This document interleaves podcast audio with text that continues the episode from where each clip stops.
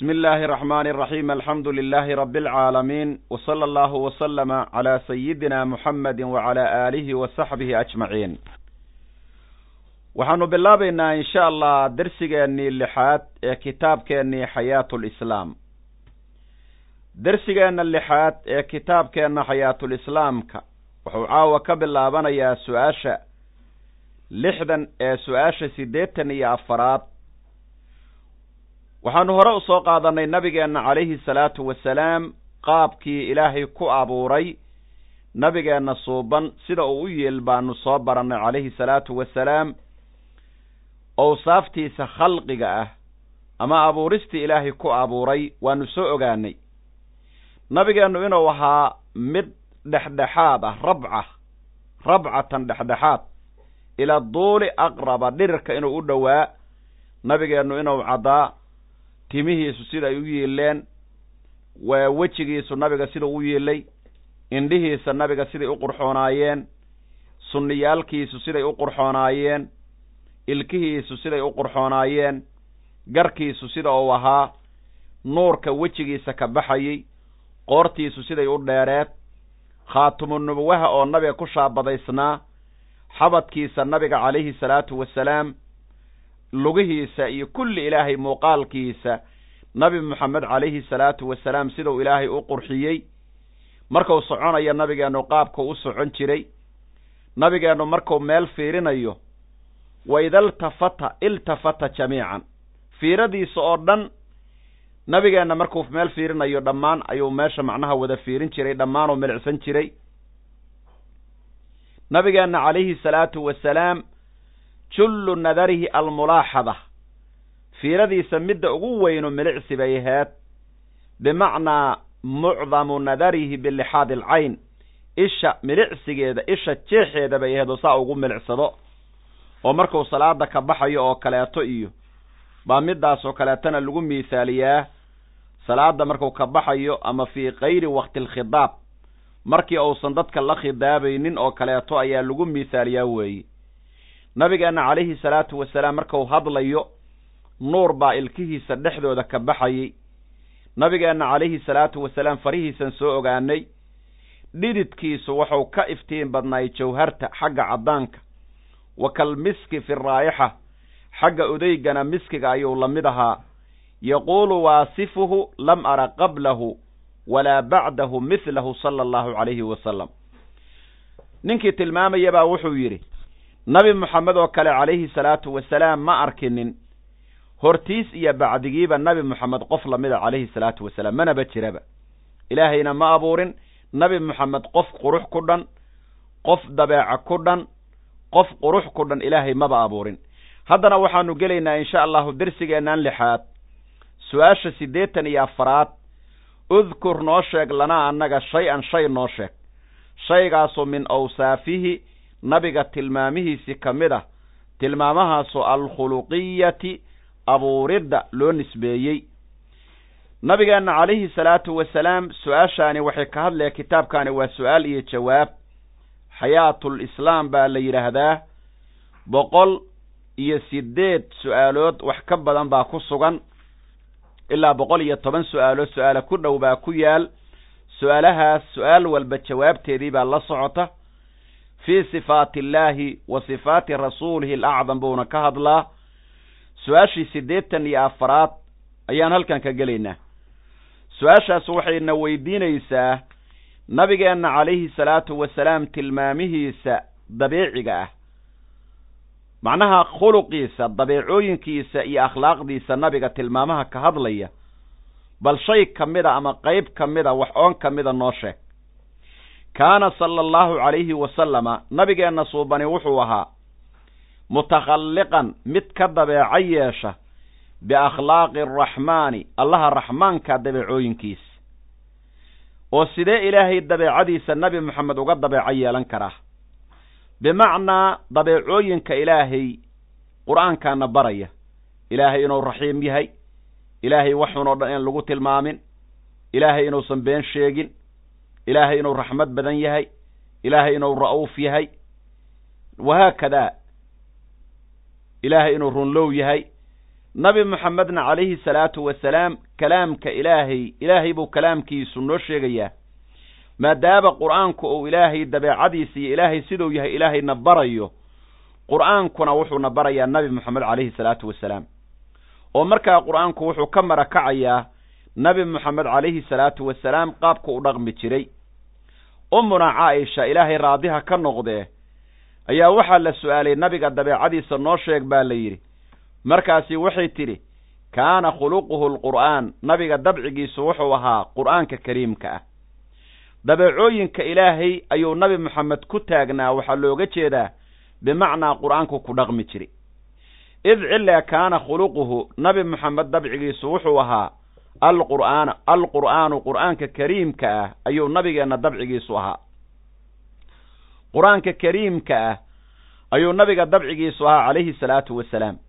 Mar walba akhlaaq wanaagsan dabeecooyin wanaagsan ayuu ilaahay subxaanahu wa tacaala dushiisa ku soo shubaya nabigeena mar walba dabeeco wanaagsan wanaagyaal fara badan ayuu ilaahay dushiisa ku soo shubay umuna caaisha waxay tidhi maa kaana axadun axsana khuluqan min rasuuli illaahi sala allahu calayhi wasalam nabi moxamed qof ka dabeeco wanaagsan maba jiro oo min asxaabihi asxaabtiisa ka mid a walaa min ahli beytihi ka mid a qof kasta nabigu asaga ka dabeeco wanaagsanaay sidaa daraaddeed ilaahay baa nabi moxamed dabeeca wanaagga ku ammaanay. Ilaahay baa qur'aanka wuxuu ku yidhi wa innaka la calaa khuluqin cadiim nabi moxamedow waxaad ku sugan tahay dabci aad u weynin badan aad baad u dabeeco badan tahay nabiga ilaahayu sala allahu calayhi wasalam marka nabigu aad buu u dabeeco wanaagsanaa. Qad xawaa nabi moxamed wuxuu koobay alkamaalaati kaamil noqoshoo dhan. Kamaalooyinka dhammaystiryaalkaasoo albaadinati qarsoon iyo wadaahirati kuwa muuqdaba. Nabigeenna calayhi salaatu wasalaam kaamil buu ahaa wanaagga oo dhan ayuu nabigeenna ilaahay u kamilay sala allahu calayhi wasalam daahir iyo baadinba. Macnaha midaanu u jeedno iyo midaanan u jeedinba.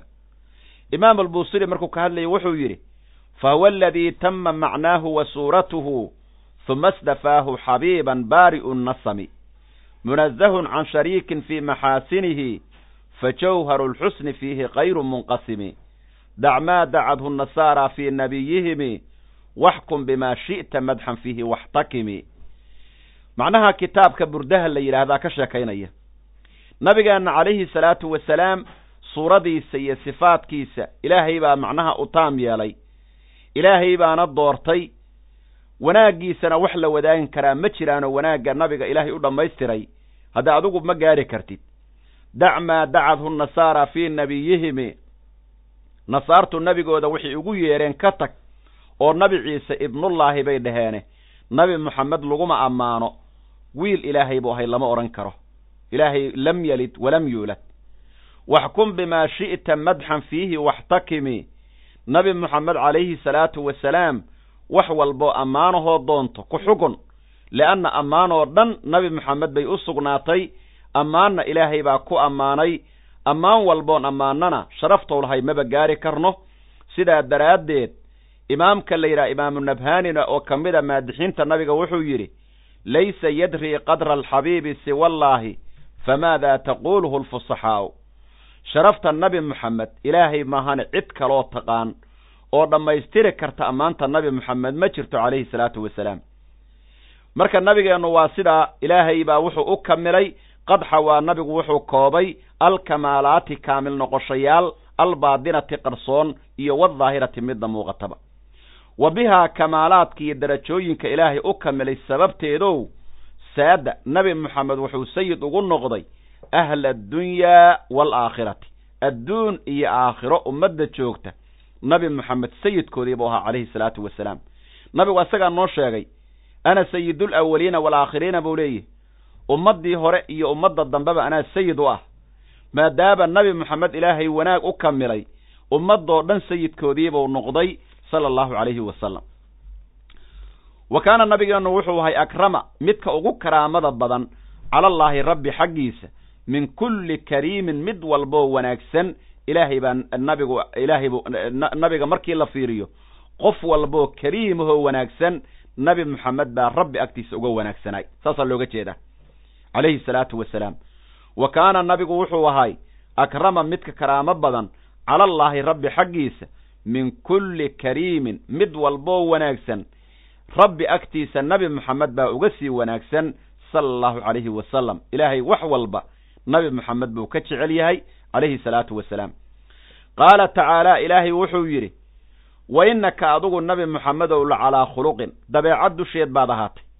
Khuluqaasoo cadiimin aada u weynin badan. Nabi moxamedow dabeeco weyn baad ku sugan tahay. Bal fiiri nabi moxamed ilaahay baa ammaanay asaguna ways ammaanay. Ambiyadoo dhanna way ammaaneen. Malaa'igtuna way ammaaneen. Asxaabtiisuna way ammaaneen. Taabiciintiina way ammaaneen. Ammaantii marka ilaahii khaaliq ahayo abuuray ammaanay aanba la dhammaystiri karin. Idan dad baa marka waxay odhanayaan haddii ay maqlaan nabi ammaanka nabigoo la ammaanayo waa baadil bay odhanayaan. Nabigeennu calayhi salaatu wasalaam magaalada madiino markuu gelayey nabi ammaan oo shicir ah ama gabaya baa lagu soo dhoweeyey sala allahu calayhi wasalam dhammaantiin waad wada maqasheen nabigeenna in lagu soo dhoweeyey dalaca albadru calayna min sanayaati alwadaaci wajaba ashukru calayna maa dacaa lilaahi daacin. Waa nabi ammaan. Nabigeena lagu soo dhoweeyey calayhi salaatu wasalaam xataa dumarkiibaa qaadayey. Gabdhihii maqdiyaadkahay baa qaadayey gabdhihii jaariye ahay macnaha waxa weeye guryaha ka shaqaynaya baa qaadayey. Dadkii waaweynay baa qaadayey. Nabi moxamed baa calayhi salaatu wasalaam geesaha laga socdaa lagu soo dhowaynayaa nabigeenna mimbar buuba u dhigayba saxaabiga la yidhaahdo xasaan ibnu thaabit. Markay gaaladu nabiga wax ka sheegeen xasaan binu thaabit baa inta meel la fariisiiyey oo mimbarka lagu fariisiiyey buu yidhi nabigu ka u jawaab celi buu yidhi nabigeenu calayhi salaatu wasalaam marka dadka nabi ammaanka diidanu xaggay wax ku soo arkeen. Ma nabigaysan rumaysnayn. Ma nabigay bay xaqirayaan oo sharaftiisay macnaha diidan yihiin. Ma nabi moxamed baan mutaysan calayhi salaatu wasalaam in la faalleeyo laga sheekeeyo la ammaano lagu salliyo taariikhdiisa laga hadlo layskugu yimaado jacaylkiisa laysbaro akhlaaqdiisa laysbaro owlaadda lagu tarbiyeeyo hooyooyinka la baro jiilka yar iyo jiilka weynba ummadda jiilka soo koraya la baro. Dadka waaweynna la baro. Dadka yaqaana ummadda ay uga sheekeeyaan mar walba. Yaa ku qaydoo yidhi hal mar hal bil kaliyaha nabi maxamed laga sheekayaa yidhi ma jirto. Wakti walbaa nabi moxamed laga sheekaynaya calayhi salaatu wasalaam oo lagu sallinayaa oo la ammaanayaa oo siiradiisa la akhrinayaa laakiin bishow dhasho muxaadarooyinka on baa la badiyaa. Nabi moxamed calayhi salaatu wasalaam maadaama bil taariikhiya ay tahay oo islaamka ugu jidha taariikhda meel weyn taariikhdii on baa la badiyaa. Wax kale lama kordhinayo. Taariikhdiyaa la badiyaa. Kaliya siiradii iyo muxaadaraadkeediyaa la badiyaa maadaama lagu jiro bishow nabigu dhashay calayhi salaatu wasalaam. Wax kaloo isbeddela ma jiraan. Lama caabudayo nabigii calayhi salaatu wasalaam. Waa nabi ilaahay sala allahu calayhi wasalam. Lama caabudayo. Bil walboo taariikhda islaamka taariikh kulena waxay mutaysataa in gooni looga hadlo oo islaamku uusan taariikhihiisa iyo waktiyadiisa dhex dahabiga ah in uu halmaamo ma ahan. Waa inuu xasuusnaadaa. Marka in lala ka tirtiro waktiyada taariikhiga ma aha. Bisha nabi moxamed dhashay haddii aan halmaano oo aysan qayba noogu fadhin dhalashadii rasuulkeennu ilaahan idinku dhaariye maxaa qayba noogu fadhinaya? Taariikhdii adigu aad dhalatay taariikhdii aan xorriyada qaadannay taariikhdii waxa weeye nuuca aheed baa qaymo kula leh oo weliba dadka diidan waxaan arkay kuwa waxa weeye meelo kiraynayo odhanaya taariikhdii soomaaliya ay gobonnimada qaadatay baan rabnaa galabta in laga hadlo. Wa maca daalika haddaad tidhaahdo xafladdii dhalashada nabi moxamed baan u soconnaa oo salawaadkii nabi ammaankii siiradii muxaadaraadkii ka socdaana keena waxay ku leeyihiin quraafaystayaal baa tihiin ma aanu idin raacayno. Bal fiiri dadkii heerkaas bay marayaan walaalayaal. Waa in caqli laysku yeelaa oo diinta ilaahay aan lagu xadgudbin nabiga maxabadiisana aada loogu dadaalo sala allahu calayhi wasalam nabigeenna suuban calayhi salaatu wasalaam ilaahay baa ammaanay annagu haddaanan ammaanin ammaan noogama baahna. Ee annaga nafteenna ammaanta aan ammaanayno iyo sheekada aan ka sheekaynayno iyo salliga aan ku sallinayno kudayashada aan ku dayanayno annaga ilaahay wax uga rabna. Laakiin nabi moxamed ilaah baa kamilay sala allahu calayhi wasalam annagaa wax ku rabna. Wa kaana nabigu wuxuu ahaa sala allahu calayhi wasalam mutawaadican mid tawaaduca oo isliida oo mar walba nabi moxamed hoos buu isku dhigi jiray. Yacuudu lmariida nabigeenna dabeecooyinkiisa waxaa ka mid aheed dadka qofka jiran buu soo booqan jiray.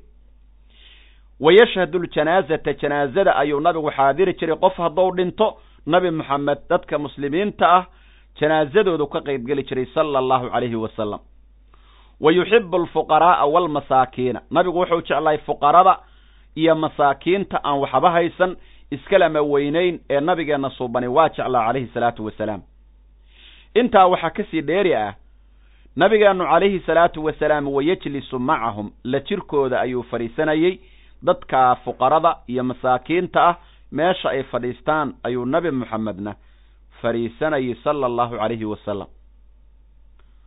Nabigeenna calayhi salaatu wasalaam wa yaxmilu bidaacatahu badeecadiisa ayuu soo xambaarayey min asuuqi laga bilaabo ilaa ahlihi gurigiisa laga soo gaaro suuquu ka soo adeeganayaa haddii aad maanta adeeg soo qaado amay anugu wiil baan ahay nin baan ahay adeeg ma qaado dumarkaa qaada yaa ku yidhi nabi moxamed oo khayru khalqillaahi baa adeeg soo qaadaya adeegga waa inaad soo qaado ood gabadha miskiinta oo ilmaha hayda wax walba iyada inaad ka sugta ma ahan waa inaad adeegga soo qaadato nabigu inuu cajiyan wax ka qasaya baa ku qoran siirada. Nabigu inuu calayhi salaatu wasalaam cuntada la karinaya baa ku qoran. Sariirta inuu la goglaya baa ku qoran. Nabigeenna suuban calayhi salaatu wasalaam ummunaa caaisha xataa inuu la tartamay inuu la sheekaysanayey oo maalin la tartamay oo yidhi haye aan tartanno. Mar bay ka badisay nabigeenna calayhi salaatu wasalaam waxay tihi muddaa la joogayo waan cayilay. Maalinkii dambe uu yidhi haye aan tartanno haddana. Waa iga badiyey markuu iga badiye buu yidhi tilka bitilka maalinkaad iga badisay ood iga orod dheeraysay caaishoy ayaan maanta kaaga magtayey ogaw buu yidhi. Bal fiiri nabigeenna calayhi salaatu wasalaam yamzaxu walaa yaquulu ilaa xaqan sala allahu calayhi wasalam. Waa kaftami jiray waxaan xaq ahayna kuma hadli jirin nabi moxamed calayhi salaatu wasalaam. Marka waxa weeye suuqa ayuu ka soo xambaaranayay badeecadiisa laga bilaabo ilaa gurigiisuu nabigu keenayay calayhi salaatu wasalaam. Haddii uu u yimaado qof miskiina gacantuu ku salaamayay iskalama weyni nabigeennu wa yusaafixu alfaqiira qofka faqiirka ah waa musaafaxayn jiray. Musaafaxada waxaa la yidhaahdaa gacantoo laysku salaamo. Gabdhaha ajnebiga gacanta laguma salaamo laakiin hooyada walaasha eedada dadka maxaarimta ku ah nin iyo nin gabar iyo gabar almusaafaxa waa sunno gacantoo laysku salaamo. Assalaamu calaykum ta ajir bay leedahay gacantoo laysku salaamaana. Ajir kale oo gooni a bay leedaha baa la yidhi. Waa sunnadii nabi moxamed calayhi salaatu wasalaam. Waxaa ka mid a akhlaaqda nabigeena suuban sala allahu calayhi wasalam wa yusaafixu alfaqiira qofka faqiirka iyo walqaniya midka taajirkaaba gacantu ku salaami jiray nabigeenu calayhi salaatu wasalaam. Rasuulkeena wayabda-u wuxuu ku bilaabayey man qofkii laqiyahu ou la kulmo bisalaami salaam iyo walmusaafaxati gacangelin. Nabigeenu qofkuu la kulmo wuxuuba ku bilaabi jiray assalaamu calaykum waraxmat ullaahi wabarakaatuhu gacantana waa ugu dari jiray nabigeenu. Allahu akbar. Nabigeena calayhi salaatu wasalaam wayarkabu alxamiira dameerka ayuu kori jiray oo raaci jiray. Iskalama weyneyn dameer inuu raaco. Laba dameer buu nabigeenu lahaa. Labadaa dameer oo nabi moxamed ou lahay magacooda sheeg haddii lagu yidhaahdo baqashii nabiga magaceeda sheeg haddii lagu yidhaahdo seeftii nabiga magaceeda. Macnaha waa inaad garato leanna siiradiibaa mar walba la marayaa. Kitaabkaana sidiisaba siiradow aad uga hadlaa labada dameer oo nabiga waxaa la kala odhan jiray yacfuur. Midna waxaa la dhihi jiray cufayr. Cufayr iyo yacfuur baa la yidhaahdaa. Labadaa dameer buu nabigeenu lahaa calayhi salaatu wasalaam. Wayarkabu alxamiira dameerka ayuu nabigu kori jiray oo raaci jiray. Nabigeenu calayhi salaatu wasalaam wayujiibu dacwata yeeridda ayuu ajiibin jiray. Dacwa. Dacwadu waxa weeye haddii qof u yeedho oo nabiga yidhaha ii imaad weliibaan qabaa ama dan baan kaa leeyahe nabigu iskalama weynayn ee gurigaas looga yeedho waa ajiibi jiray nabigeena suubani calayhi salaatu wasalaam. Walow kaanat dacwadu haba noqoto waxa loogu yeedhayo ilaa khubsi shaciirin heedda ama gerbida midhaha shaciirta la yidhaahdo muufo laga sameeyey nabi moxamed haddii muufo inta loo sameeyo lagu marti qaado oo lagu casuumo martiqaad muufo ah ma dhihi jirin. Aniga muufo soo doonan maayo ma dhihi jirin. Waa doonan jira nabigeenu calayhi salaatu wasalaam. Maxaa yeele waxaa ka weynin badan oo uu nabigu qaymaynayaa qofka kuu yeeraya oo ku marti qaaday qalbigiisa ayuu nabigeena suubayn dhowraya calayhi salaatu wasalaam. Wa qaala nabigu wuxuu yidhi low uhdiya haddii la ii hadiyeeyo ilaa kuraacin ri majinteed majin riyeed kuraac haddii ri majinteed la ii hadiyeeyo macnaha waxa weeye shanshada lugteeda hore baa la yidhaahdaa ay rijla shaatin ri lugteed la qabiltu waa aqbali lahay hadduu qof hadiye iisoo dhiibo oo ri lugteed hadiya ii keeno waa ka qaada lahay walow duciitu ilayhi haddii la igu yeedho oo la yidhaha majin riyeed baa lagugu martiqaadayo soo doono la ajabtu nabigu wuxuu yihi calayhi salaatu wasalaam waan ajiibi lahay buu yidhi. Wa kaana nabigu wuxuu ahaa yaflii mid tola thawbahu maradiisa maradu hadday ka dilaacdo waa tolan jiray. Sayidinaa cumar qamiis buu wadan jiray toban iyo afar meelood karimo ku leh madaxweynihii islaamka isagoo ah. Bal fiiri sayid cumar baa wuxuu wataa qamiis karkaran. Nabi moxamed baa maradii ka jeexata tolanaya. Annaga maanta xaggee ku suganna? Xaggee ku suganna wa kaana nabigu wuxuu ahaa yaflii mid tolaya thawbahu maradiisu markay ka dilaacdo waa tolanaya nabigeenu calayhi salaatu wasalaam wa yaxlubu shaata rida ayuu nabigu lisayy wanagii xala soo sheegnay markii ay hijroonayeen gabar umu macbad la yidhaha oo reer qusaaci ah bay sii mareen. Ridii caanaha laga waayo caatada meesha la tiilay. Nabigu saasuu gacanta u marmariyey ibaheeda isla markii caano yeelatay nabigaa lisay caanihii laga cabay oo dhan nabigaa dadka u lisay calayhi salaatu wasalaam. Nabigu marka ariga waa macnaha caanuu ka maalin jiray. Sayidina abubakar sidiiq dadka deriskaa oo dhan ayuuba u lisi jirayba ariga iyo neefka irmaana isagaa u lisi jiray. Waagii madaxweynaha islaamka uu noqday sayid abubakar sayid abubakar weeye baa waxaa la yidhi hadda hadda madaxweynead noqotay qofkii neef u irmaanya u lisi maydid. Markaasu wuxuu yidhi shay walba oo nabi moxamed markuu joogay aan samay jiray waan wadayaa haddana.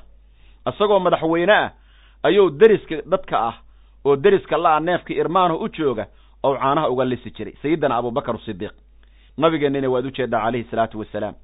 Idan marka neefkaagoo caana laga maalo iyo adiga hawsha aad u baahan tahay noloshaadoo la qabsadaahi ma aha ceeb ma aha ee waa sharaf. Weliba waa sunnadii nabi moxamed calayhi salaatu wasalaam.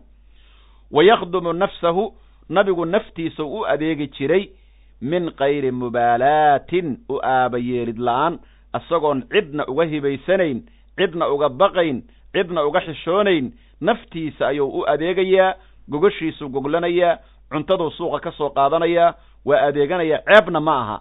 Waaba nabigeenna calayhi salaatu wasalaam jidka uu ku soco jiray iyo akhlaaqdii oo ku dhaqmi jiray.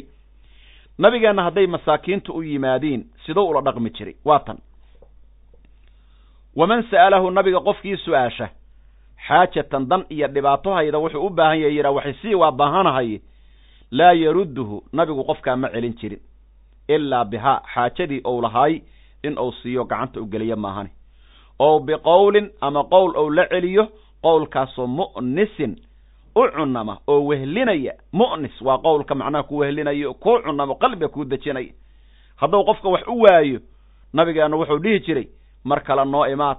Hadda wax ma haynee waa la khayrayaa sidaas bay noqone ilaahay baa noo gargaaraya. Qowl u cunama oo wehlinaya oo qalbiga u dejinaya. Ama qofka shaygau siinayaa ama hadal fiican buu dhahaya. Nabigeenna haddii wax adduunyaa la weydiisto waa dhiibi jiray. Ama wuxuu dhihi jiray hadal u cunamau dhihi jiray oo mar kale noo imaad. Waxaaba la gaarsiiyey weligii nabi moxamed calayhi salaatu wasalaam wax uu hayo maya ma odhan nabigu marka dadka midka ugu deeqsisan buu ahaa. Xikmad baa waxay odhanaysaa maa qaala laa qadun ila fi tashahudihi walowla tashahudu lakaanat laa'uhu nacam. Nabigu markuu atixiyaadaya maahane weligii laa ma odhan. Macnaha wax uu haysto maya ma dhihin. Haddii aan tashahudku jiri lahayn laada nabi moxamed nacan bay isku bedeli laheyd. Nabigeennu markuu dad meel jooga u yimaado ma odhan jirin aniga ha la iga kaco meesha ugu fiican ee halkaa geeska ah meeshuu ka soo gaaro ayuu iska fadhiistaa. Kursiga ha la iiga kaco anugu waxaan ahay nabigi ilaahay ha la iga istaago qof lama istaajiyo mu'minaho meel fadhiya.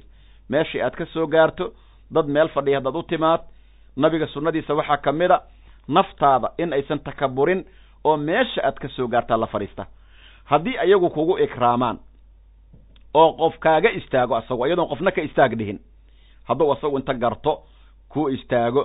Meeshu hadday cidhiiri tahay nabigu wuxuu dhihi jiray waasiciya oo dadka macnaha kala sikadoo qofka meel u banneeya haddii laakiin qof meel kaaga istaago ama kursigii ama gogol fiican ama dhinacii oo sheekhii oo kaleeto iyo culummadii waa la ikraamaa qofkii waayeelkahay iyo odagii iyo hadduu kaaga istaago walaalka hadduu ku karaameeyo nabigu aqbalo ka qaada buu yidhi. Taas waa karaameyn lagu karaameeyey. Laakiin waxaa la diidayaa waxay tahay oo sunnadii nabiga aan ahayn adigu in aad takaburto oo tidhaahdo iga istaaga iga wareeg meesha iga istaag qof inaad ku tidhahdo lama ogola. Waidantahaa nabigu hadduu soo gaaro ilaa qowmin qolo meel joogta oo meel fadhida hadduu u yimaado jalasa nabigeennu waa fadhiisan jiray xaysu meeshii yantahii ou kula dhammaado bihi nabiga almajlisu makaanu fadhiga.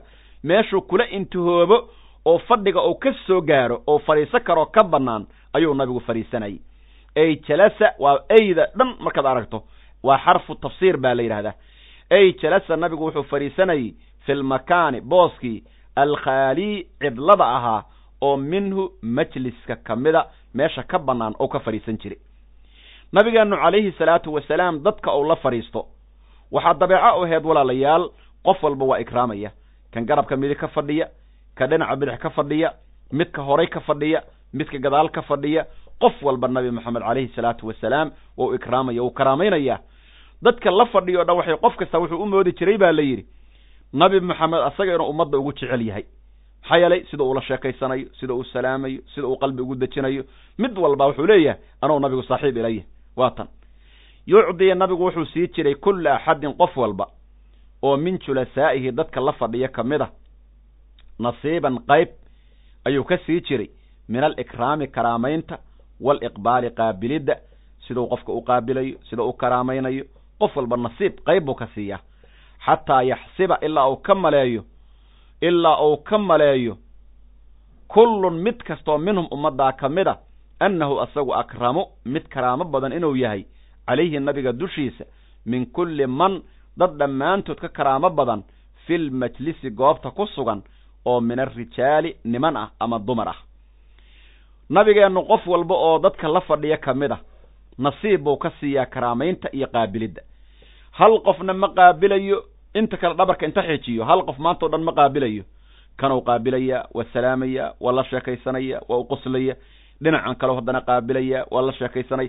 Marka dadka meesha fadhiyo oo dhan nin walbaa wuxuu isku maleeyaa nabi moxamed asaga inuu ummadda ugu jecel yahay oo nabigu asaga jecel yahay ayuu u malaynaya. Maxaa yeele qof walba goonideeda oo nabigu u karaameynaya calayhi salaatu wasalaam. Allahu akbar. Waa sunnada nabigeena yucdii wuxuu nabigu siinayay kulla axadin qof walba oo min julasaa'ihi dadka la fadhiya ka mid a nasiiban qayb min alikraami karaamaynta iyo waliqbaali qaabilidda qayb buu ka siinay xataa yaxsiba ilaa uu ka maleeyo kullun mid walbaoo minhum ummaddaa ka mid a annahu asagu akramu inuu yahay mid karaamo badan calayhi nabi moxamed dushiisa. Min kulli man dad dhammaantoodna ka karaamo badan fi lmajlisi goobta ku sugan oo min alrijaali niman ah.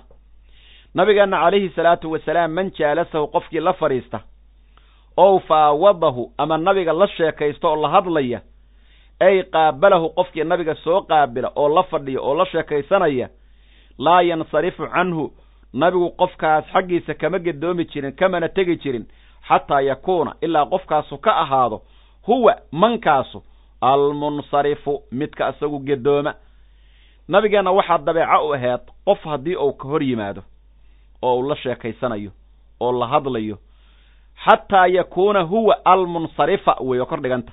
Ilaa qofkaasu asagu ka gedoomo oo asagu yidhaha nabiga ilahay waa tegaya oo asagu baxo nabigeennu qofka u dhowraya qalbigiisa u ilaalinaya waa la hadlaya kama jeesanayo. Nabigu wuxuu diidayaa qofka inuu niyadda iska yidhaahdo nabi maxamed anoo u baahan oo la hadlayo uga dhaqaajiye intaasuu diidaya nabigeenu calayhi salaatu wasalaam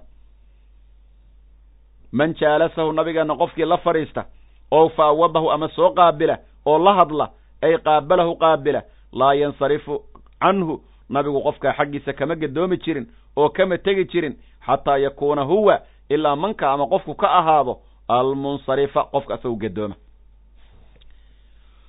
walaa yanqadicu nabigeennu ma goy jirin calaa axadin qof dushii xadiisahu. Qof sheekada kama goy jirin qof la sheekaysanaya sheekada kama joojiyo xataa yaskuta ilaa uu aamuso qofkaasi canhu nabiga xaggiisa. Qofku markuu isagu iska aamuso maahane kabacdi maahane ka hor kama nabigu kama goynayo. Wayatafaqadu asxaabahu nabigu asxaabtiisa ayuu istebsii jiray. Istebsiin isweydiin waa waraysi asxaabtiisa ayuu kala warayso jirayo macnaha uu warayso jirayo ee yas'alu wuxuu su'aali jiray canman qofkii qaaba maqnaada oo minhum ayaga ka mida nabigu waa su'aali jiray.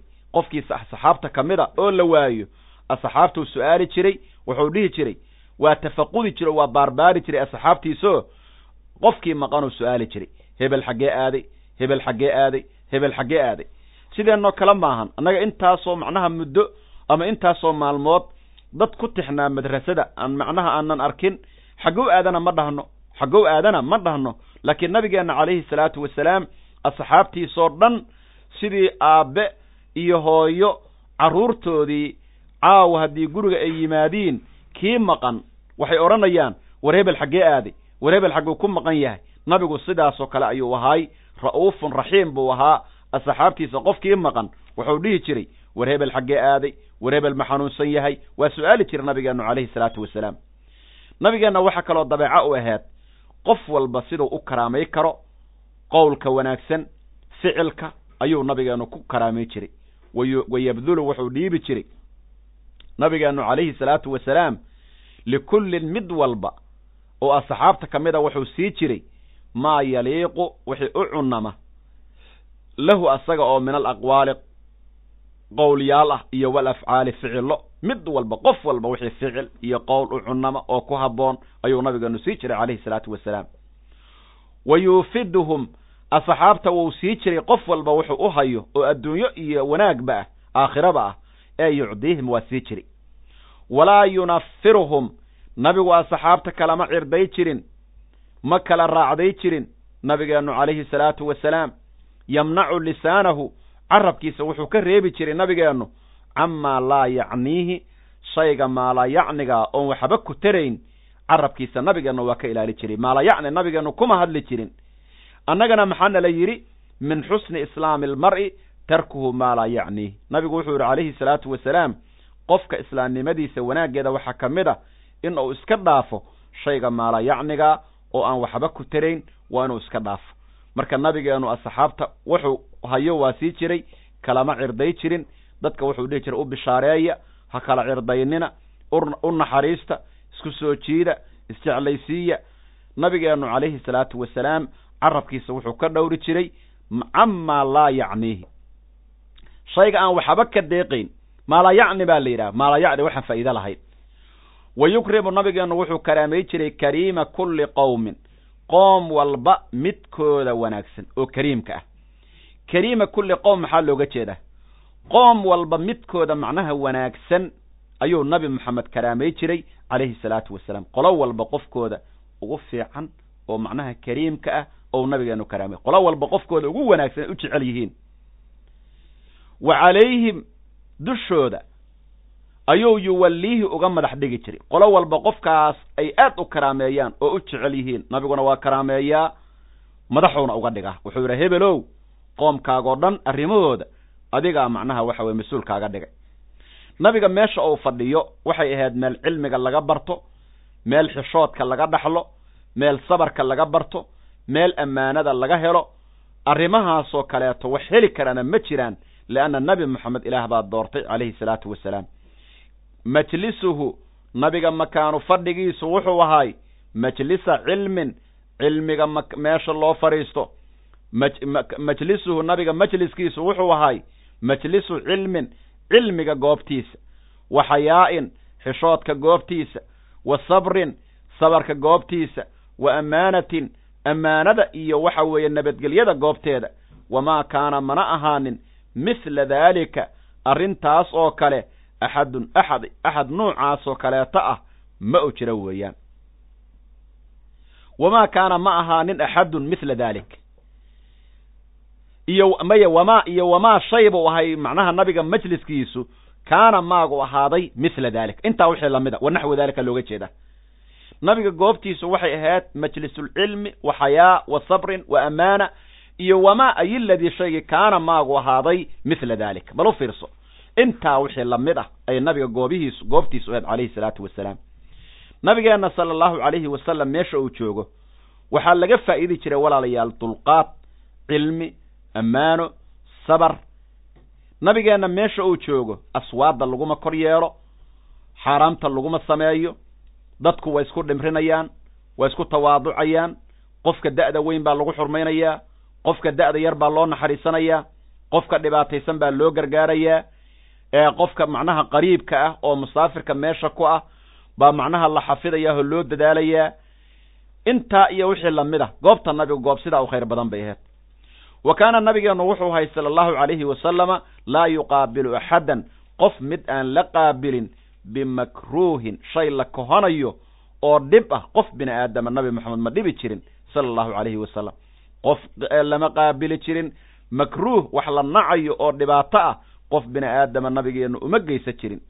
Walaa yajzi'u bisayi'ati xumaanta kuma amaalmari jirin assayi'ata xumaan kale. Haddii nabiga xumaan loo geysto dabcigiisu muxuu ahaay cafis buu ahaa calayhi salaatu wasalaam. Laakiin qofkii xumaan u geysta nabi moxamed akhlaaqdiisu ma ahayn in uu xumaan kale ku amaalmariyo. May taa ma ahayn. Nabigeenna haddii xumaan loo geysto dabcigiisu cafis uu ahaa sala allahu calayhi wasalam walaakin yacfuu waa cafin jiray wa yasfaxu waana ka jeesanayey oo wa iska dhaafayey qofkii dhibaatada u geystay. Masalan waxaa soo arooray nabigeenna calayhi salaatu wasalaam saxaabiga la yidhaahdo anas binu maalik oo khaadimkii nabigeenna ah wuxuu yidhi nabiga maalin baa la socday. Go-bow nabigu watay adag. Meel isagoo safar ku jira oo meel marayo daabadiisa dul saaran wuxuu yidhi dad ree baadiye ah baa nabiga waddada u istaagay oo markaa waxa weeye iska qalqallalan. Markaasay nabigii maradiisii ku qabteen oo nabigiiyo socda ay inta go-i ku soo dhegeen bay saa u soo jiideen. Nabigeenni calayhi salaatu wasalaam. Nabigu markaa go-i go- wuxuu ahaay aad macnaha darfihiisu u macnaha aad adag yihiine meel bay xataa waxa weeye garabkiisa iyo kamida halka dhuuntiisa ah raadad bay maradiibaa xoogay dhib u geysatay ninkiiba hadlo wuxuu yidhi yaa muxamed murli waa nin ree baadiya meel iska joogo oo dadka kolley islaamka weli aan qaadan ah. Maalka ilaahay ku siiye wax naga sii. Nabigu sidaasuu inta u fiiriyey oo qoslay ou yidhi xoola ha la siiyo war ninkan xoola ha la siiya buu yidhi. Nabigeenna marka sidaas buu ahaa calayhi salaatu wasalaam waxa weeye qofkii dhib u geysta ama xumaan u geysta waa iska cafinayey macnaha xumaanta xumaan kuma gudaynin. Walaakin yacfuu wa yasfaxu wamaa daraba nabigu ma garaacin calayhi salaatu wasalaam biyadihi gacantiisa shay-an shay kuma garaacin qaduu weligii ilaa fi ljihaadi jihaadka maahane ilaa duulaan in lagu jira maahane weligii nabigeenu calayhi salaatu wasalaam gacantiisa kuma garaacin gacantiisa nabigu calayhi salaatu wasalaam kuma garaacin axad wamaa dalaba ma dalbin cawrata axadin nabigu qof ceebtiisa ma raadin oo hebel qaladkau galay hebel cawrada macnaha cawradu waxa weye waa ceebahaagii. Hebel qaladkau galay ha lagu oofiyo ha laga oofiyo sidaa ha la yeelo ma dhihin. Walaa damahu dhiiggiisa ha la daadiyo oo ha la garaaco dhagaxa lagu dilo ma dhihin ilaa fii maa shay maahane. Rajaa oo ku rajaynayo bihi maaga hawaaba rabbi alcibaadi addoommada rabbigooda hawaab wuxuu nabigu uga raadinaya maahane mid kale nabigu ma raadin. Weligii horta nabigeenu calayhi salaatu wasalaam gacantiisa qof garda kuma gardaraysan oo kuma garaacin. Ummuna caaisha waxay tidhi maa daraba rasuulu llahi sala allahu calayhi wasalam khaadiman lahu qadun wala mra'atan qadun nabigu weligii khaadim ama qof gacantiisa kuma garaacin walaa daraba biyadihi ilaa an yujaahida fii sabiili illah inuu jihaad ku jira maahane oo jihaadka dagaalkiisa uu qof gaal ah wax u geystay qof kaloo muslima gacantiisa wax uguma geysan. Nabigeenu calayhi salaatu wasalaam wamaa dalaba cawrata axadin qof cawradiisa ma dalbin waxaa looga jeedaa nabigeenu calayhi salaatu wasalaam qof weligii ceebtiisa ma raad raadin walaa damahu qof nabigeenu dhiiggiisa ha la daadiyo ma dhihin oo ma dalbin laakiin waxaa jira qofkii xad laga oofinayo oo laga raadinayo thawaab inuu ka helo ilaahay dembigiisa ku mayro hadda kaas waa gooni ilaa fii maa shay maahane rajaa bihi maaga uu ku rajaynayo sawaaba rabbi alcibaadi addoommada rabbigooda sawaabkoodii ou ku rajinaya mahani nabigeennu calayhi salaatu wasalaam wa kaana wuxuu ahaa ajwad annaasi dadka midka ugu deeqsisan bilkhayri xagga khayrka. Ummadda midka ugu deeq deeqsinimo badan ayuu nabigeennu ahaa. Wa kaana xayaa'uhu nabiga xishoodkiisu wuxuu ahaay nabigeenna calayhi salaatu wasalaam aad buu u xishood badnay wa kaana xayaa'uhu xishoodkiisu wuxuu ahaay ashadda u soo gudub mid ka daran oo wa acdama ka weyn min albikri min min istixyaa'i albikri gabar baka bikaara ah xishoodkeeda gabadhaasoo fii khidrihaa qolkeedii ama asturkeedii ku jirta. Khidriga waxaa la yidhaahdaa astur. Gurina waa lagu idlaaqaa in kaana fiihi imra'atun wa ilaa falaa marka gabar gurigeeda weligeed aan ka bixin maqdiyada dadku ay dhahaan oo kaleeto. Gabdhaha waxaa jira carabta meel bay gabadha ku jiraysaa ilaa maalinkii nin loo gurigay intii ka horrayda gabadhaasu siday nimanka uga sariigato nabigeennu waa ka sii sariig badnaa waa xishood badnay nabigeennu calayhi salaatu wasalaam. Wa kaana xayaa'uhu nabiga xishoodkiisa wuxuu ahay ashadda mid ka daran oo wa acdama ka weyn min albikri gabar xishoodkeed. Gabadhaasoo fii khid gabar aan nin guursan xishoodkeed siday nimanka uga xishooto waa ka sii xishood badnaay. Gabadhaasoo fii khidrihaa gabdhihii horeeto oo wakhtiyadaa jiray baa la sheegayaa. Gabadhaasoo fii khidrihaa asturkeeda ku jirdha wa qaalat caa'ishatu radia allahu canhaa umuna caaisha waxayba tidhi maa ra'aytu ma arkinin farja rasuulillaahi sala allahu calayhi wasalama. Nabigeenna farjigiisa weligay anigu ma arkin bay tiri nabigeenna calayhi salaatu wasalaam waxaa la yidhi waxa weeye ma ataa rasuula allahi axadun ma ataa rasul rasuulullahi uma imaan axadan min nisaa'i ilaa muqanican yurki thawba calaa ra'sihi markuu dumarkiisa nabigu la kulmayo ayuu hataa waxaa la yidhi ou macnaha ou xataa madaxii wejigiisa mara ku dabooli jiray baa la yidhi. Marka farjigiisa weli ma arkinin iyadoona sidoo kaleeto ay umuna caaisha uga xishoonaysa. Taqanucu waa taqdiyatu ra'si ow akharu lweji bidarafi alcimaama ow biridaa'in iyo wa naxwi dalik umuna caaisha waxay tihi maa ra'aytu rasuula allahi walaa ma ma araa minii bay tihi isaguna ma ay arkin aniguna ma arkin bay tihi sidaas weeyaan aniguna ma arkin isaguna ma ay arkin. Macnaha waxa weeye farjigiisa nabiga sidaasaan macnaha uusan weligii aanan u arkin bay tihi calayhi salaatu wasalaam wa qaalat caaisha radia allahu canha maa ra'aytu farja rasuuli illaahi sala allahu calayhi wasalama wa kaana nabigeenu wuxuu ahaa sala allahu calayhi wasalam yamzaxu mid kaftama walaa yaquulu mana ku qowli jirin ilaa xaqan shay aan xaq ahayn oo aan run ahayn nabigeennu kuma qowli jirin calayhi salaatu wasalaam nabigeennu waa kaftanlow buu ahaa waa kaftami jiray waxaan xaq ahayna nabigeennu kuma hadli jirin nabigeenna calayhi salaatu wasalaam gabar baa maalin u timi anna imra'atan jaa-ad waa u timid baa la yidhi markaasi waxay tidhi nabigeenna waxay tidhi calayhi salaatu wasalaam neef geela isii bay tidhi. Markaasuu yidhi inamaa axmalaka calaa waladi naaqati. Qaalad waxay tidhi laa yudiiqunii qaala laa axmiluka ilaa calaa waladi naaqati. Qaalat laa yudiiqunii qaala alxaadiruuna wahalil jamalu ilaa waladu naaqa. Neef geela isii bay tidhi markaasu wuxuu yidhi hashu rati ay dhashay baan kugu xambaarayaa oo neef yar oo neef hashu ay dhashay baan macnaha kaaga dhigayaa rukuubkaaga. Markaas tidhi canug yaroo hadda halu dhashay ima qaadi karo. Nabigu sidiiba ku celiyey. Dhowr mar markii sidii lagu celiyey fahmi laadahay ay dadkii meesha jooga asxaabtii waxay ku dhaheen ratiga dhanba oo lagu sii rabo jamal baad nabiga weydiisatee. Ratiga lagu sii rabaahi sow hal ma dhalin. Rati walba yaa dhalay hal baa dhashay. Kaftanka nabiga waxaa kaloo ka mid a baa la yidhi gabar baa maalin u timid markaasi waxay tidhi zawjii mariidun ninkiibaa iga jiran oy tihi waa ninkayga waa xanuunsan yahay. Nabigu ha ii yimaado ayuuna lahaa. Markaasi wuxuu nabigu ku markaasi wuxuu nabigu ku yidhi ninkaaga waxaa dhici karta in indhihiisa caddaan ku sugan yihiin. Markaasay soo laabatay gurigiibay timid baa la yidhi. Ninkeedii waxay ku tidhi war ma indhahaagaa caddaan ku jiraa? Nabigu indhihiisa in caddaan ku jiraa laga yaabaabay tidhi.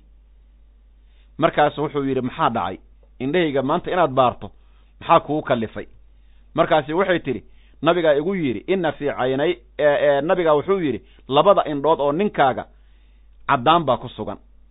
Markaasuu ninkii wuxuu yidhi wahal axadun ilaa wa fii caynayhi bayaadun ma qofaan indhihiisa caddaanu ku jirin baa la arkaa maxaa yee meesha yartaahoo moyda ahoo madowga maahane qaybta kale hadda caddaan baa ku sugan qof walba.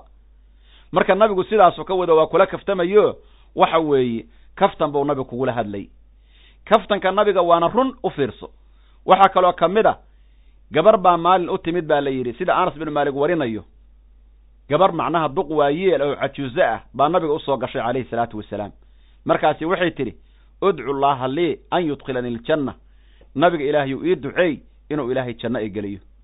Nabigu markaasu wuxuu yidhi calayhi salaatu wasalaam yaa umma fulaan ina aljannata laa yadkhuluhaa cajuusun buu yidhi jannada duq waayeeluhu ma gasho duq waayeela janno ma gasho. Nabigu waa baxay baa la yidhi calayhi salaatu wasalaam. Gabadhii marka waxay u malaysay marba haddii nabigu uu yidhi cajuusa janno ma gasho waxay isku malaysay ahlu naar inay tahay. Markaasay aada u murugootaa la yidhi waa oyday nabigeennu waa soo laabtay calayhi salaatu wasalaam. Umuna caaisha waxay ku tidhi nabiga ilaahayow hadalkii aad tidhi aad bay gabadhan uga murugootay maadaama aad tidhi cajuusa janno ma gasho hadda waxay isku qaadatay inay ahlu naar tahay ee bal u cadday. Nabigu markaasu wuxuu yidhi calayhi salaatu wasalaam ilaahay baa qur'aanka wuxuu ku yidhi innaa ansha'naahunna insha'a suuratu alwaaqica fajacalnaahunna abkaara curuban atraaba. Gabar walba markay jannada gelayso hadday markay dhimanaysay waayeel aheed jannada marka la gelinayo waxaa lagu soo celiyaa dhallinyara laga soo dhiga. Marka qof waayeeluhu janno ma galo qof walboo janno gelaya waxaa laga dhigaa dhallinyaro. Mar labaad baa abuurkoodii la soo celiyaa markaas waxaa laga dhigayaa abkaaran curuban atraaban kuwo isla da'a nimankooda jecel oo wada macnaha bikaarooyin ah baa laga dhigayaa weeyaan. Waa gabdhihii adduunyada joogay oo jannada gelayey markay jannada gelayaan dhallinyaraa loo soo celiyaa. Weligood dambena jannada inta lagu jiro meesha laga helo weeye dhallinyarnimo aan dhammaanayn caafimaad aan dhammaanayn nolol aan dhammaanayn farxad aan dhammaanayn meesha laga helaa waa jannada ilaahay rabbi hanugu irsaaqo. Marka nabigeennu waxa weeye calayhi salaatu wasalaam yamzaxu walaa yaquulu ilaa xaqan yuxibuhu allahu tacaala wa yardaah. Waa ti la akri jiray cabirta wa kaana nabigu wuxuu ahay sala allahu calayhi wasalam yamsaxu mid kaftama walaa yaquulu nabigeennu kuma qowli jirin ilaa xaqan shay aan xaq ahayn oo aan rum ahayn nabi moxamed kuma hadli jirin sala allahu calayhi wasalam kaftanka nabigeenna waxaa ka mid ah. Nabigeenna sida umuna caaisha wariday waxay tihi nabigeennu waa kaftan badnaa. Wuxuu dhihi jiray nabigeennu calayhi salaatu wasalaam ina allaha laa ya'khudu almusaaxa asaadiqa fii musaaxihi qofka kaftan lowga ah oo kaftanka badan kaftankiisa ilaahay u qaban mayo. Qofka kaftan lowga ah runlowga ah kaftanka runta uu ka sheegayo waaye sida kaan soo marnoo kaleeto ilahay uma qabanayo. Kaftanka nabiga waxaa ka mid a calayhi salaatu wasalaam safar baa lagu jiray baa la yidhi. Umuna caaisha waxay tihi safar baa nabiga kula safar baan u baxnay. Gabar yar baan ahay ilaa nabigeenna iyadoo sagaal jira baa loo gurigeeyey. Hilib badanna ma anan lahaynoo caataan ahay. Marka nabigeenna calayhi salaatu wasalaam da aan la cuslaado jismigaygu ma lahayn anigoo yar baa nabiga laygu xiray marka sidaas baan ahay. Nabigu markaasuu dadkii wuxuu u yidhi socda anigii caaisha waa soo soconaynaa dadkii baan ka daba marnay tir anigii nabigu calayhi salaatu wasalaam. Nabiga markaan gadaal marnay oo wuxuu yidhi haye buu yidhi tacaali xataa usaabiqaki aan tartanne kaalay umuna caaishay aan tartanno marka. Nabigii baan la tartamay calayhi salaatu wasalaam. Markaasaan ka dheereeyey bay tiri. Shib buu nabigu ii yidhi waa iga aamus. Muddo markii la joogay maalin kale oo aniga da'daydii weynaatay intii aan ka da' weynaaday oo hilib aan yeeshoon sidii waagi hore caato aanan u ahayn. Ayuu nabigu haddana wuxuu yidhi kaalay baan tartanne waa la tartamay. Waa iga dheereeyey. Markaasuu nabigu markuu iga dheeray ugu qosla bay tiri waa qoslay. Markaasuu nabigu wuxuu yidhi calayhi salaatu wasalaam haadihi bitilka middaan maalinkii aada iga dheerayday tii baan kaaga soo megsanaya nabigu sidaasuu yidhi calayhi salaatu wasalaam ee ogaaw.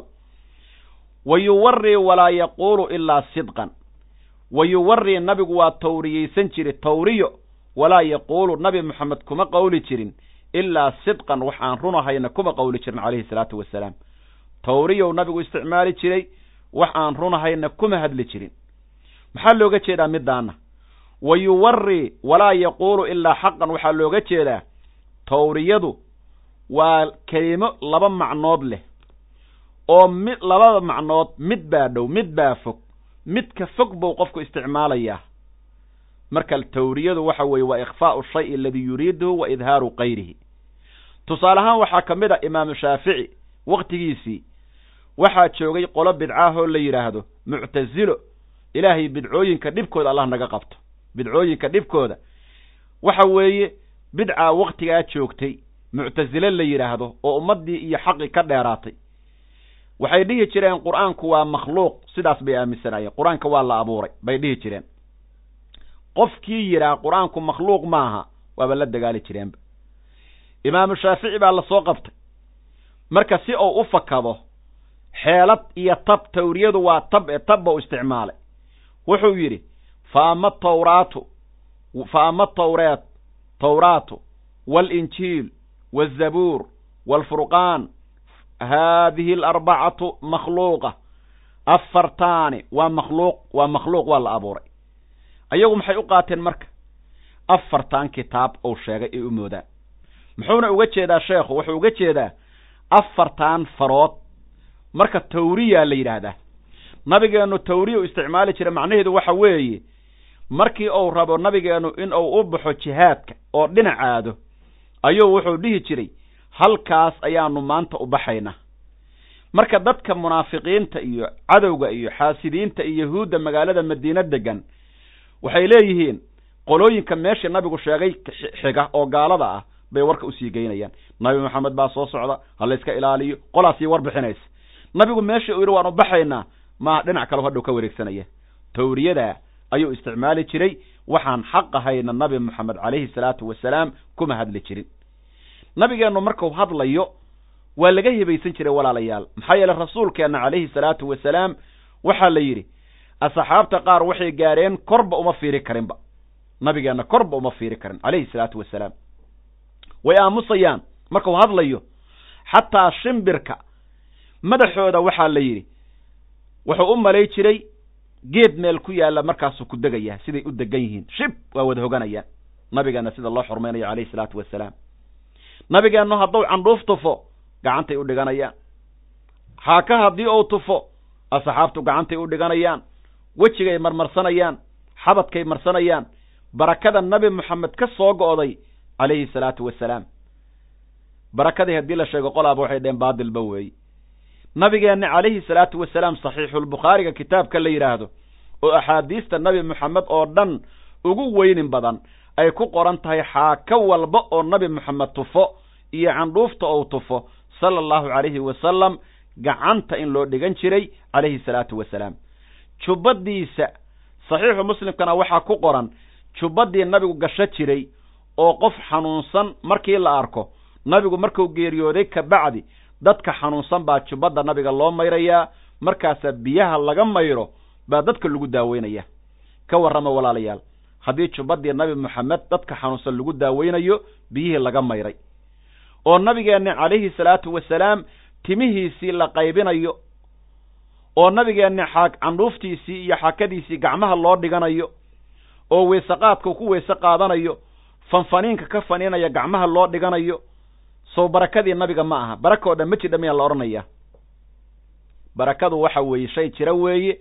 Nabi moxamed calayhi salaatu wasalaam markuu noolayna way jirtaa markuu geeriyoodayna way jirtaa dadka kaleeto mu'miniintaana barako waa leeyihiin. Barakaduna waa shay sugan. Qofka diidaana laa barakata lahu. Qofaan isagu baraka laawayo weeye. Baraka laaway baraka ma ogolaado. La macnaheedu maba yaqaan be idaa takallama nabigu haddii uu hadlo calayhi salaatu wasalaam adraqa julasaa'uhu. Dadka la fadhiyaa waxay raaricin jireen madaxyadooda ka'annamaa calaa ru'uusihim. Waxaadba u malaysaa madaxa asxaabta inuu ahaaday addayru shimbir baad u mooddaa madaxay saa u wada hoganayaan madaxa in shimbir ka saaran yahaad u malaysaa nabigu markuu hadlayo way aamusayaan hadalka ilaa uu ka dhammaynayo nabiga bay xushmaynayaan calayhi salaatu wasalaam wa idaa sakata nabigu markuu aamusana takallamuu asxaabta nabi moxamed markaasay hadli jireen nabigeennu markuu aamuso bay hadalka bilaabayaan sala allahu calayhi wasalam nabigeenna calayhi salaatu wasalaam dadka waddanka ku islaamka ku cusub oo hadda diinta soo galay oo aan aqoonin akhlaaqdii islaamka way iska cafin jiray maalin baa masaajidka nabiga dhinaciisa nin baa islaamka soo galay masjidka dhinaciisau kaadi la fadhiistay dadkii o dhan baa hal mar ku qayliyey iska dhaaf buu yidhi nabigu calayhi salaatu wasalaam. Ha dhammayste markii ou dhammaystay ou nabigu u yeedhay meeshaani waa masjid buu yidhi. Looguma talagelin in nijaas iyo waxaa lagula yimaado biyaha la ii keeno nabigu yidhi waa la mayraya waa la mayray. Yasbiru nabigeenna wuxuu sabri jiray lilqariibi qofka qariibka ah oo meesha qariib ku ah musaafir ku ah cala aljafwati dhacdada jafwadada qaladka ay saqdati waxa ka dhaca iyo walqaldati adayga oo fi lmandiqi hadalka ahatay cala aljafwa engeyga hadal qallalan oo qallafsanaan ah asaqdata dhicid iyo walqaldati ad adayg oo fi lmandiqi hadalka ahaaday ilaa qofkaanu dabcigiisa baa iska xun adaabtiisaa xun nabigiibuu ku dhiiranayaa asxaabtii hadal xun buu ku dhahayaa waa qof qariib ah waa qof diinta hadda soo galay nabigeenna waa u dul qaadan jiray calayhi salaatu wasalaam. Annaga nafteenna waa nuuca qofaan maanta diinta waxba ka oqoon xurmada qur'aanka wax ka oqoon xurmada nabiga waxba ka oqoon ma aha inaad hore uga qayliso. Hal macnaha waxa weeye wax yaroo sawira hadduu la yimaado ama wax yar oo macnaha waxa weeye la soo aad ku aragto in aad waxa weeye tiraahdo meesha dhammaan ka tuuraya ma ahan. Waa in qofkii waxa weeye uu horta fahmo bal haddii uuba naseexo yeelayo diintu waa naseexo iyo khayr miiride waa in loo khayr miira. Walan tahara nabigeennu ma guulguulin mana canaanan. Khaadiman khaadim u adeegaya nabigeennu ma canaano jirin calayhi salaatu wasalaam. Walaa qaala lahu khaadimkiisa nabigu uma odhan fii shayin shay shaygaasoo sanacahu khaadimku ou sameeyey lima sanactahu maxaad shaygaan u samayday walaa fii shayin shayna uma dhihin. Shaygaasoo tarakahu khaadimku ou ka tegey lima taragtahu maxaad uga tagta. Khaadimiinta nabigeenna waa noo imaan doonaane. Mid shaygay sameeyaan maxaad shaygaan u samayday nabigu ma dhaho. Kay ka tagaan maxaad uga tagtay nabigu ma dhaho. Bal yaquulu nabigu wuxuu dhahayey low qudira shayga haddii la qadaro oo ilaahay qadartiisaba uu ku dhaco yakuunu waa ahaanaya. Walamaa qiila lahu nabiga markii loo yidhi calayhi salaatu wasalaam udcu habaar cala alkufaari gaaladan dhibka badan. Naga habaar ha markii la yidhi qaala wuxuu yidhi innamaa buciftu aniga waxaa lay soo saaray raxmatan xaal aan ahay naxariis. Aniga ilaahay raxmad buu ugu magacaabay. Wamaa arsalnaaka ilaa raxmatan lilcaalamiin allaahuma hdi qowmii ilaahuw qoomkayga hanuuni fa innahum ayagu laa yaclamuuna. Waxaba kalama ogee ilaahuw qoomka ii hanuuni ou yidhi nabigu calayhi salaatu wasalaam lam yakun nabigeennu ma ahayn faxaashan. Mid xumaato badan ma ahayn. Xumaato yar iyo mid badan toona ma samay jirin. Ay kasiira alfuxshi mid xumaantiisu badan tahay nabi maxamed ma ahayn. Walaa bakhiilan nabigeennu bakhiil xoola jecelna ma ahaynoo xoolaha ku dhegan. Walaa jabaanan nabigeennu fulay ma ahayn duulaamada isagaa uu hormari jiray. Jihaadka marka lagu jiro. Yaxdaru nnaasa dadka ayuu nabigeennu calayhi salaatu wasalaam ka digtoonay acdaada ah sirtooda iyo macnaha waxa weeye khidadooda wayaxtarisu minhum waana ka dhowrsan jiray calayhi salaatu wasalaam waa intay aysan soo degoonin wallaahu yacsimuka min annaas. Ilaahay baa dadka kaa dhowray oo wax ku dili karaa ma jiraan intaan ayaddaa soo degoonin ka hor nabigeennu waardiyaaba laga qaba jiray. Laa yejlisu nabigeennu ma fadhiisan jirin calayhi salaatu wasalaam meel ma fadhiisan jirin walaa yaquumu meesha kama istaagi jirin ilaa markuu fadhiisanayo iyo markuu istaagayaba calaa dikri illaahi tacaala. Ilaahay dikrigiisa iyo xuska ilaahay ou meel ku fadhiistaa oo kuna istaagaa nabigeenna suubani calayhi salaatu wasalaam. Ilaahay xuskiisau nabigu kaalmaysanayay markii nabigeennu calayhi salaatu wasalaam asxaabtu iskugu yimaadiin oo asxaabtu ay waxa weeye ou la joogo ou ka tegayo wuxuu akri jiray ducadan. Waxaa la yidhaha ducada waxaa loo yaqaanaa ducadan kafaarat lmajlis baa la yidhaah. Nabigeenna akri jiray. Meeshaa la fadhiyo marka laga tegayo adkaartan baa la akriyaa subxaanaka allaahumma wa bixamdika ashhadu an laa ilaaha ilaa anta astakfiruka wa atuubu ilayka. Subxaanaka allaahuma wa bixamdika ashhadu an laa ilaaha ilaa anta astakfiruka wa atuubu ilayka. Nabigeennu calayhi salaatu wasalaam markuu istaagayo sidaasuu dhihi jiray nabigu wuxuu yidhi markii la su'aalo la yidhi ducadan maxaad ka wadaa wuxuu yidhi haadihi kafaaratu maa yakuunu fi lmajlis goobta inta aanu fadhinno qaladkii naga dhacay ducadaasuu ilaahay nooga mayraya oo nooga asturaya. Adkaarta yarta ah dhammaanteen walaalayaal waa inaan xafidno markii la kala tegayo ood meel ka istaagaydo. Subxaanaka allaahuma wa bixamdik ashhadu an laa ilaaha ilaa anta astakfiruka wa atuubu ilayka. Ilaha dembiga kaa mayraya wa yamshii waxdahu nabigu keligiisuu socon jiray bayna acdaa'ihi dadka acdaadiisa dhexdooda oo iska mari jiray acdaada laa yubaalii uma aaba yeeli jirin bihim ayaga wax qayma uma yeeli jirin kamana baqi jirin kamana hibaysa jirin wa fawqan kalsooni ou ku qabo birabbihi ilaahiisa kalsooni ou ku qabo daraaddeed nabigu saasuu ahaa jiray calayhi salaatu wasalaam markii aayaddaa soo degootay wallahu yacsimuka min annaasi dadka ilaah baa kaa dhowraya wuxuu dhihi jiray nabigeennu asxaabtii waardiyeedahaeed wuxuu ku yidhi iska kala taga ilaah baa i dhowraye wax dambo iga ba'ayaa ma jiro qof itaaba karaa ma jiro. Acdaada gaalada ah oo iska dhex mari jiray nabigeennu calayhi salaatu wasalaam. Maanta walaalayaal qofkii qabri siyaarta maxaa la odhanayaa waa la caynayaa soo ma aha. Nabigeenna qubuurta soo siyaaran jiray. Wa yazuuru alqubuura nabigeennu qubuurta ayuu siyaaran jiray. Ama qabrigu ha dhowaado sida qubuurtii baqiic oo kale ama ha fogaado sidii kuwii beder oo kale nabigeennu waa aadi jiray. Xataa sanad sanad buu u aadi jiray. Nabigeennu calayhi salaatu wasalaam islaamka bilowgiisiiba wuxuu yidhi kuntu nahaytukum can ziyaarati alqubuuri. Bilowgii islaamka oo dadku qabri la caabudo ay macnaha waxa weeye ku dhoweed ou yidhi iska dhaafa. Kabacdi markii diintii la fahmay xadiis saxiixa baa ku soo arooray oo kii hore lagu nasaqo wuxuu yidhi fazuuruhaa fa inahaa tuzahidu fi ddunya wa tudakiru alaakhira waa xadiis ibnu maaji iyo xaakim ay warinayaan. Nabigeenna wuxuu leeyahy calayhi salaatu wasalaam zuuru lqubuura fa inahaa tudakiru lmowt baa xadiis kale ahaa.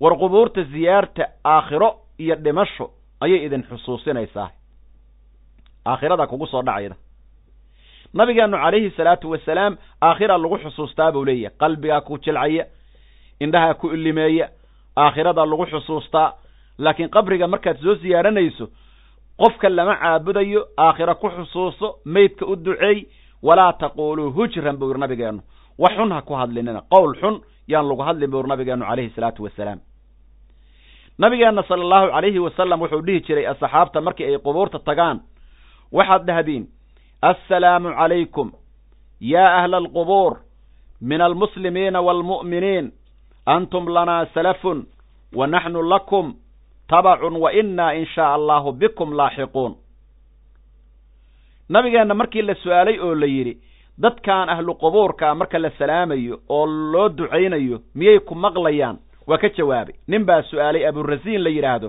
markaasuu nabigu wuxuu yidhi yasmacuuna walaakin laa yastadiicuuna an yujiibuu waa maqlayaan laakiin jawaabta kuusoo celin mayaan ama wax sayidinaa cumar ibnu khadaabna dagaalkii beder markii la laayey gaaladii sanaadiidul quraysh toddobaatanka ahayd oo kuwii madaxda ceel gorofa laga buuxiyey oo nabigu la hadlay ma hesheen buu yidhi ilaahay wuxuu idiin ballan qaaday annagu waa helnay ilaahay wuxuu noo ballan qaaday. Sayidinaa cumara wuxuu nabigeenna ku yidhi calayhi salaatu wasalaam ma dad dhintay baad nabiga ilaahayuu la hadlaysaa? Nabigu markaasu wuxuu yidhi calayhi salaatu wasalaam kama maqled maqlid badnidiin buu yidhi adinkan adduunyada jooga. Sidaad ii maqlaydaan oo kale bay ahlu qubuurkuna dadka qubuurta ku jiraana noo maqlayaan buu nabigu leeyahy calayhi salaatu wasalaam.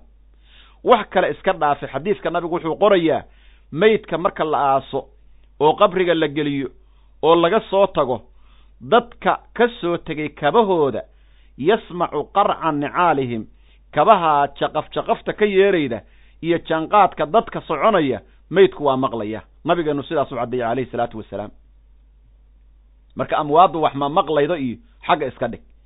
Qofka haddii aad u timaado xataa wuu ku garanayaa. Adduunyada sidii uu kugu yaqiino kaleo kugu garanayaa. Marka dadka waa la ziyaartaa nabigeennu habeen madow ayadoo iyadoo la hurdayo ayuuba u dheelma jiray sala allahu calayhi wasalam ahlu qubuurka. Markaasuu nabigeennu soo siyaaran jiray u soo ducayn jiray qubuurta calayhi salaatu wasalaam mu'adinkii nabigeenna salaada u addimi jiray.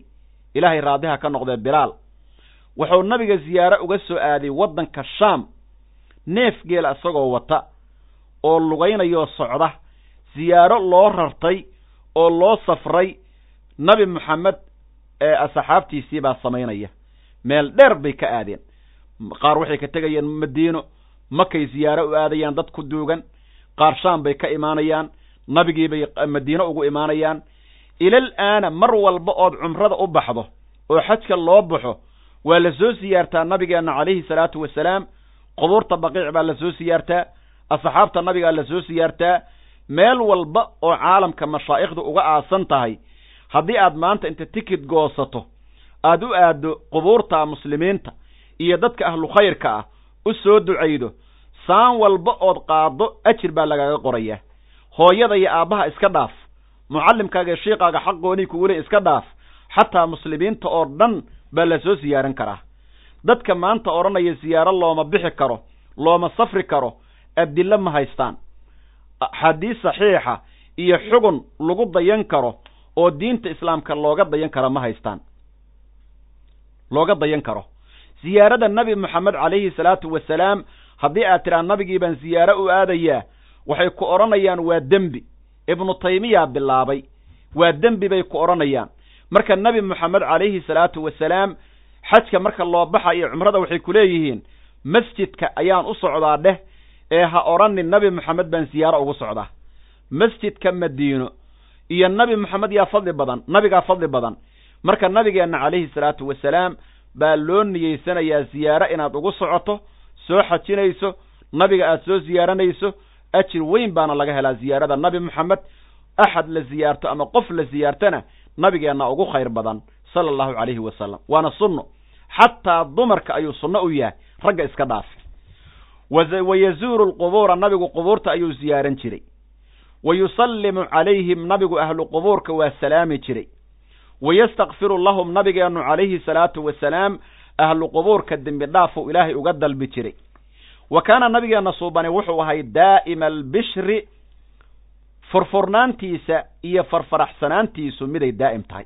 Mar walba nabigeenna sideenoo kale weji cabuus ma ahayn wejigiisa nabigeenna farxadda iyo furfurnaanta ka muuqanaysa waad la yaabaysaa ay daliqa alweji wejigiisu mid mid weji furfuran ayuu nabigeennu ahay. Xasana alcishrati mucaamaladiisu miday wanaagsan tahay ummadda siduu ula dhaqmayo ayuu nabigeennu ahaa xataa liaswaajihi dumarkiisaba allaha ka dhige dadka wuxuu ula mucaamaloon jiray oo ula dhaqmi jiray si wanaagsan. Walaa yaquulu nabigeennu ma odhan jirin fi ridaa waktiga ou raadin ou raadi yahay iyo walqadabi markau caraysan yahaba ila alxaqa waxaan xaq ahayn oon ilaahay raadi ka ahayn nabi moxamed kuma hadli jirin. Markuu raadi yahay iyo markuu caraysan yahay mar walba nabigeennu calayhi salaatu wasalaam shay xaqa oo ilaahay raadi ka yahay oo ku hadli jiray waidaa wacada nabigeennu calayhi salaatu wasalaam dadka haddii oo wacdiyo oo ummadda nabiga oo wacdinayo ixmarad caynaahu labadiisa indhood baa guduudan jiray nabigeenna wa calaa sawtuhu dhawaqiisa ayaa kor noqon jiray. Ka'annahu waxaadba nabiga u moodaa mundiru jayshin ciidan mid u digayaad u malaysaa nabigeennu markii oo waxa weeye dadka wacdinayo aakhirada sidau cabsideeda uga muuqato indhihiisu guduud bay nabiga noqon jireen siduu wacdiga u wado. Sawdkiisana nabigeenna calayhi salaatu wasalaam waa kor noqon jiray allahu akbar.